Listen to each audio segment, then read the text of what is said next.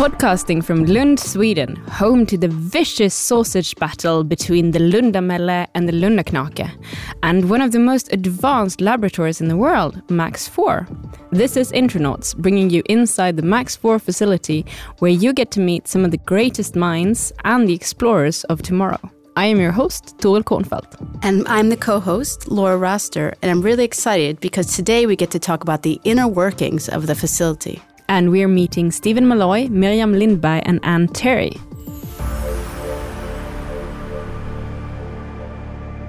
So we're starting with you, Stephen. Hi. Hi. What is your title? What do you do here at Max? I am the head of accelerator operations. So my group is in charge of running the three accelerators that we have. So you are an engineer and you working with making the machinery work here? Yeah, I'm trained as a physicist. My PhD is in physics, but I work as an engineer, just like you said, and I have a team of about 12 people who work 24 uh, 7 just to keep the three accelerators that we have running at whatever, uh, whatever values that we've promised for our users. It sounds like a really big job. It's kind of exciting. It's sometimes a little stressful, um, uh, especially when things go wrong. Um, that's when all the fun is, but that's when all the stress is. Um, we got to keep the machines running for as much as possible. It's about 5,000 hours a year uh, for each of the three accelerators. And we are aiming to get about 97% reliability. So the machines actually work for more than 97% of those 5,000 hours. So when something happens, you got to scurry and work pretty hard to, to fix it before, you know, the clock is ticking, right? I think that's a better percentage than my phone has. it could well be. It's it's uh, it's actually it's a number that we're really proud of here at Max Four. that's nice. Uh, can you give me just sort of an overview of the facility sure. for someone who's here for the first time or haven't seen it? So when you first come here, there's the there's the big ring that you see immediately. It kind of looks like a UFO has landed in Skåne, um, and that's the big accelerator. It's kind of the flagship accelerator, and then we have a smaller ring that's uh, so the big ring is about 500 meters around. The small ring is a little bit less than 100 meters around. And then lastly, we've got the, the linear accelerator. So it's just a straight line, not a circle. And it is used to fill up the rings, but it's also got its own bunch of uh, users. So we've got to keep all three accelerators running constantly 24 7. So, what do you actually produce? What do you make? Well, when you make the electrons move in a specific way, they emit very focused, coherent, bright pulses of X rays that then go down a beamline and are shone onto different samples. The expert here is going to talk in a moment, um, and uh, uh, different experiments are done. So, really, what Max 4 is doing is providing light to users to enable science. So, what about the very basic components that keeps it running? What makes it all work? So, electrons will move in a straight line. So, to make them move in a circle, we have a lot of magnets installed. Um, these magnets just apply a force to the electron beam, and that force just keeps the beam turning around in a circle. But because the electrons all have the same charge, those charges want to push each other apart and want to make the beam get bigger and bigger and bigger and less bright. So then we have a lot of other magnets that are there in a specific configuration in order to keep the beam tightly focused so that the beam is nice and small and compact and to help the brightness of the X ray beam as seen by the users. To give the beam its energy, that's kind of the last step in this, is that uh, we use what's called RF power. This is very similar to a microwave oven in your kitchen, but each one that we have is about 100 times more powerful than the one in your kitchen. So it's about 100 times more powerful than the one in your kitchen, and we've got six of those running constantly. And they just keep pushing the electrons around, keep maintaining the energy at the right level to replace any energy lost for the, for the X ray beams. And then lastly, uh, we have the, the vacuum system. The electrons won't move through air, so we have to have a vacuum that's something like 14 orders of magnitude uh, lower pressure than the air in this room right now. As far as the magnetic fields that you describe, is that really what makes Max4 unique? Uh, somewhat, yes. Um, so the thing that makes us unique is how we lay out those magnetic fields in a way that applies very, very tight constraints to the behavior of the electron bunch as it goes through so that it stays very small and very well controlled. And this was the big advance that was makes MAX 4 the brightest in the world. So we were talking earlier to Mikael Eriksson about how a lot of people didn't even think a facility like this could exist. Um, so what has been the real difficulty in, in, in building it. Yeah, that's that's exactly right. The, the, the, when you do the physics calculations, you can see that it works, but then when you do the engineering calculations, you can see that it's very very tight tolerances. That you really have to align things to the you know the level of 100 microns and that you have to get these fields exactly at the right level to within some very small tolerance and what the wider community believed was that if we didn't achieve these tolerances which they said we probably couldn't, then we will have a ring that could just not store the beam for long enough, or that will have nowhere near the promised properties, or that we couldn't even get beam into. It just wouldn't work at all. As Mikael said, it was the, the engineering, building these massive blocks of of different magnets all in one piece of iron and machining them to these precise tolerances, lowering them into the machine, getting the machine thermally stable, and getting all of this exactly right was very, very hard. And even today, I've done measurements myself where I can see a change in the length of the, the accelerator between summer and winter because of just the, the annual cycle of heating and cooling. And it, it changes in length by a few hundred microns. And we can measure that. It's very sensitive. So that's over 500 meters you can measure a change in length that's that small. And that was that was the big success of Max 4 was realizing those engineering tolerances. Does the the soil and the land sort of affect the the building as well? Actually, a little, yeah. Um, so, I mean, this this land was uh, just green fields, and then now we've put this enormous facility on top of it, and it will slowly settle, and uh, you know, it will compress the ground to different levels in different places, and different parts of the ground can take different compression. So the machine will slowly settle down, but not just in a nice flat way. It'll start to get a bit crooked, but uh, you know, remember we're talking about the level of you know, 100 to maybe 500 microns. You know, ha- up to half, half a millimeter is huge uh, for a misalignment here.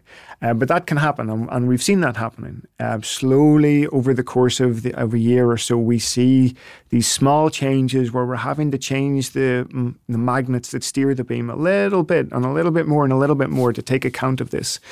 And so what we do is after a year or two years of this, it'll slow down with time, of course, but after a couple of years, we we send in an alignment team who make these very precise laser-based measurements of where everything is and how far is it away from where it should be. And then they'll go in and they'll they'll adjust these things with very precision equipment to adjust it to the I mean, we're talking about, you know, a fraction of a human hair. Uh, that's the level of the adjustments that they're making. So I guess even despite all of this hard work, occasionally things go wrong.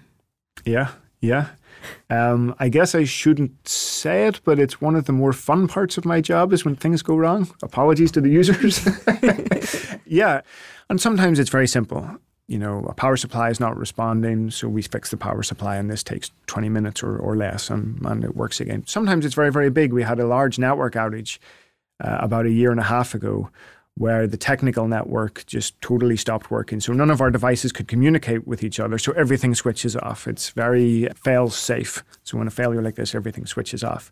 And then it was just the work of, you know, a day and a half of everybody scurrying around, trying to bring everything back together and trying to get everything back on its feet. Uh, stuff goes wrong, yeah.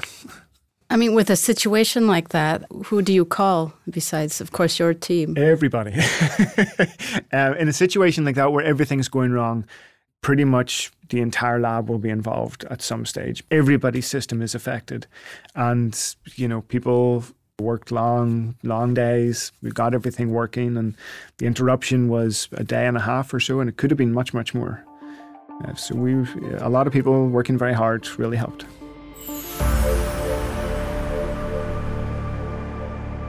So a lot of people working very hard to to sort of keep all of this structure functioning, and and now we're gonna talk to to a few of the people who are a bit further down the line. So we have Mirjam Lindberg and uh, Ann Terry. So Mirjam, do you remember this episode when things shut off for a while? Yes, yes, I do. I mean, that is a very high impact kind of thing to happen. We have to stop all other work that is going on and help out, of course, and get everything up and running again. So do you also think it's kind of a fun part of the job when these things It's happen? exciting, I would say. it's fun when it all comes together again at the end. Yeah. Yeah. So Mirjam, what is your your title? What do you do here at Max 4? Uh, so I'm a team leader in the controls group. I am an engineer. I work mostly with software development, and now I'm coordinating controls efforts. So uh, our group is responsible for developing and integrating the hardware and software that is needed to make everything work in the accelerator. So, for example, the magnetic fields, uh, to be able to apply those to the magnets, we have the power supplies, so we need to be able to control those. Uh, so we have built the software that controls the power supplies, and then on top of that, there is even more logic needed to actually calculate and tune those fields. So there we work in close collaboration with the accelerator people with Stephen's Group. So it sounds like you have a lot of different areas that you're covering to help um, maintain the facility. If you look at the, some of the biggest challenges you, you feel like you have, maybe on a daily basis or yeah, you're right. I mean, our group uh, has a lot of different areas that we are responsible. I mean, uh, there is the network and and the software, as I mentioned, and so on. Big challenges there is, I mean, since we're building things that are very specific and specialized, we have to be able to understand how those things are supposed to work. And we are not physicists, most of us, so we need to be able to understand the language of the physicists to see what is really needed. They might have a very clear idea of what they want to do, but we have to translate that idea into the reality. And then that is not always a simple thing to, to understand. With all the different types of scientific work taking place, down in the beamlines, for example, with Ann Terry, can you describe for us a bit, just in the most general terms, what is a beamline? What happens there? So, what we describe as a beamline is we take not the electron beam which Stephen's Group produced, but we take the photon beam, so this the light beam, the X-ray beam, and we direct those onto samples. So the we have this whole series of optical elements which tune that beam. It might change the wavelength, it might change the size of the beam, things like that. So that the conditions are right for the type of experiment that we want to do. So every beamline, as, as Mirjam's just said, is unique. No two look exactly the same. And all the techniques that each one does is different. And that means they might some might explore the shape or the size or the structure within a material. Some might explore what's happening within the material the interactions and how they change so it's kind of like rays going out from the central ring of the st- structure yes so the rays do come out um, straight from the source. And yes, each beamline therefore is straight. So this is why you can think of it as a as a ray of light, a beam of light going forward. So so Ann, what is what is your title exactly and, mm. and what is your role here? So I'm the manager for the diffraction and scattering group. Um, and so I have a slightly different role perhaps to both Stephen and Mirjam in that in my group I have um, a series of beamlines. So four or five beamlines in the group which all have their own expertise and they are all world leading at what they do. And so I'm there to help sort of coordinate some of the structure and the management that's needed for them to do their job. So I don't direct what they do, they lead their own work, but I'm there to try and help that things that could get in the way don't get in the way. So it's a really nice sort of streamline here of like getting the facility to work and then having the software that that is needed to to make everything work and then mm-hmm. out into the beamline. Yeah. What is the the next step when it comes to the beamlines? Because that is really a work in progress, isn't it? Yeah.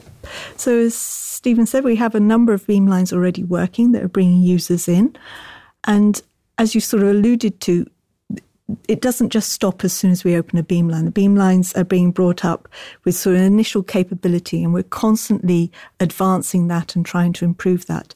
At the same time, we're still building yet more beamlines And so the one that I specifically work on, we're just coming into the point where we can start to bring users in and start to make the first experiments and understand if what we designed all those years ago is actually working and coming up to specification.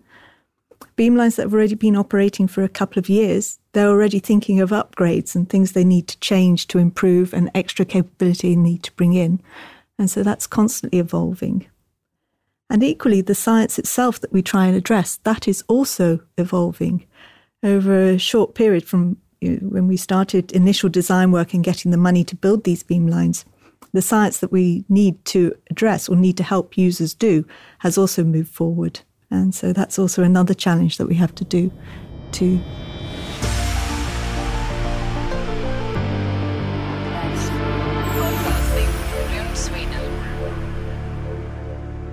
So, how many beamlines do you have now, and how many do you do you plan to have in the future?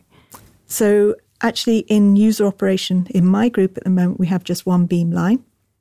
We have two which are coming into what we call commissioning. This is where they're making their initial tests and sort of checking what they've built is working. Um, and then one that's really at the initial building phase. So we're just building the hutches. So these are where the experiments take place. And then we have one we're still raising the funds to actually build. I was going to say, I think there are 13 who are across the whole Oh, yeah, facility. there are yeah. 13 who are making use of the, the light generator. Yes. And then I think the plan for Max 4 in total is 16. There are funded 16. at the are funded. Seven, a 17th is a possible, um, and that's what we're looking at. Um, but we actually have plans for more, and we could build more. Um, it's just what we need now, I think, is to really show that what we've built is working. So, yes, we know the accelerators are working and are really leading you know, state of the art accelerators. What we need is to make sure the beamlines are also performing at the right level. Yeah. So between the three of you, I think perhaps Mirjam's your role is a bit more of the abstract and sort of making sure everything works along the way. What part of, of making all of this work do you find the most exciting? What is the, the thing that makes you really happy with this job? Well, it, it is a very fun job to do for sure, and uh, I mean it's very varied. All of these different beamlines present different challenges. I mean, we really enjoy working together with the scientists, and when we can see that an experiment is successful and that the, the scientists will get the data that they need, that feels really good. And uh, I mean, on the way getting there, we can have many frustrations and misunderstandings.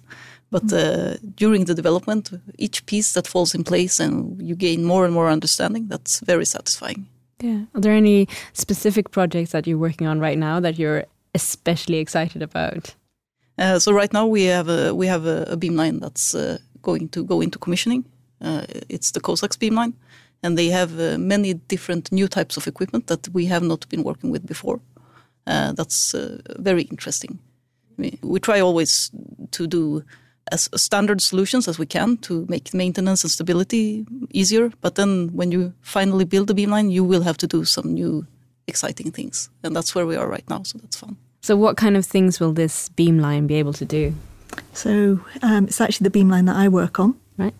So what we will study is ensembles of atoms and molecules. So we are what's called a small angle scattering beamline. But that means we study large things. And when I say large, I mean less than a micron in size, so still less than the thickness of a human hair, if we use that analogy.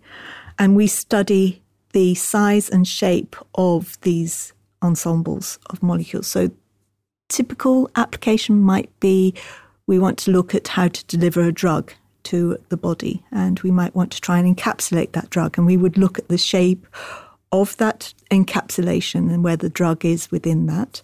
Um, we might look at nanoparticles and how they are organized.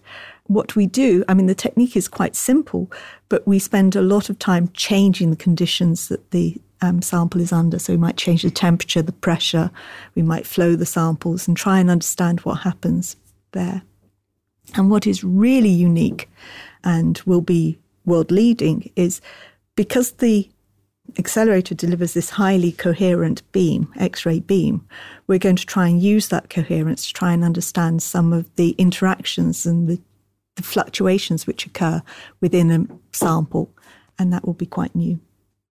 And when this new beamline, uh, the, the, planning and everything that's been going on for years and years, um, how how does it feel now that you're you know you're nearing completion? I mean, obviously, there's some trepidation as to whether everything's going to work. Um, there's a lot of components to bring together to get everything there at the right time, in the right condition. This, as Mirjam said, you these things are quite unique. Some of the things that we dreamt up, and so it's trying to get everything there. And so, yes, there are some nerves, obviously, but of course, a lot of excitement. We've been waiting for this for a long time. Mirjam and, and Stephen, how do you feel about about the fact that it's just about to open something that you've also worked on? How do you feel? I feel very happy. I mean, uh, it's re it's really good to see that all the hard work pays off, and uh, also, uh, as on every beamline, it's always fun when you collaborate with new people and you get to realize something really cool. It's it's great, and from my point of view, because we you know we already have five beamlines running on this accelerator, it feels like a new member of the family coming in. Kind of like a, a kid, I guess, that, that yeah. goes off to school. So all of these different beamlines have these interesting names. Who who gets to name them? So that's actually the scientists when they start to dream up what they would like to build. And you know, this this is something which it takes a lot of years to get the money together and everything in order to to even start designing. That's where they think of a name. And so a lot of the beamlines here at Max 4 have the name Max. We didn't. We, we're CoSAXS, so co for coherent, but SAX is our technique. And so that's why we went for that name. There's some others who are based on their funders. Mm, yeah. So DanMax. Yep. Dan Danish. from the from from Denmark. There's Finest, yep. FinEstBeAMS, and Finest is Finland and Estonia. Yeah. There's, There's one, Balder. Norse god. and my favorite, the HIPPIE beamline. Yeah, the hippies, yeah. a, a, HIPPIE beamline. Is there a, kind of like a? Do the beamlines develop slightly different cultures? So is there like a small uh, internal culture for each beamline? You, you do have because of the way in which you, how you recruit the people, um, the teams that you build, um, the way in which the beamline works and serves the user community and things like that. That can be different depending on the types of techniques. Some of our beamlines, the measurements are so fast that the user team might only be here for four hours to make their measurements. Others, it will be two or three days just setting up, and then the team are there for a week. So, because of that, you do end up with a different culture on each beamline. Yeah. And we're also different. So some are chemists, some are physicists, some are biologists. So that also changes. Thank you so much, Mirjam, Ann, and Stephen. It's been really amazing to have you here. I just have one final question. Uh, how are you going to celebrate when you open this new beamline? So we do open champagne and non-alcoholic champagne as well. of course. Thanks a million for listening to Intronauts with me, Toril Kornfeldt, and Laura Rasta. And if you like the show, please leave us a review on iTunes. And don't forget to tune in for our next episode when we talk to scientists Uwe Müller and Karina Thornell about some of the projects they're working on and how they might end up improving the world that we live in.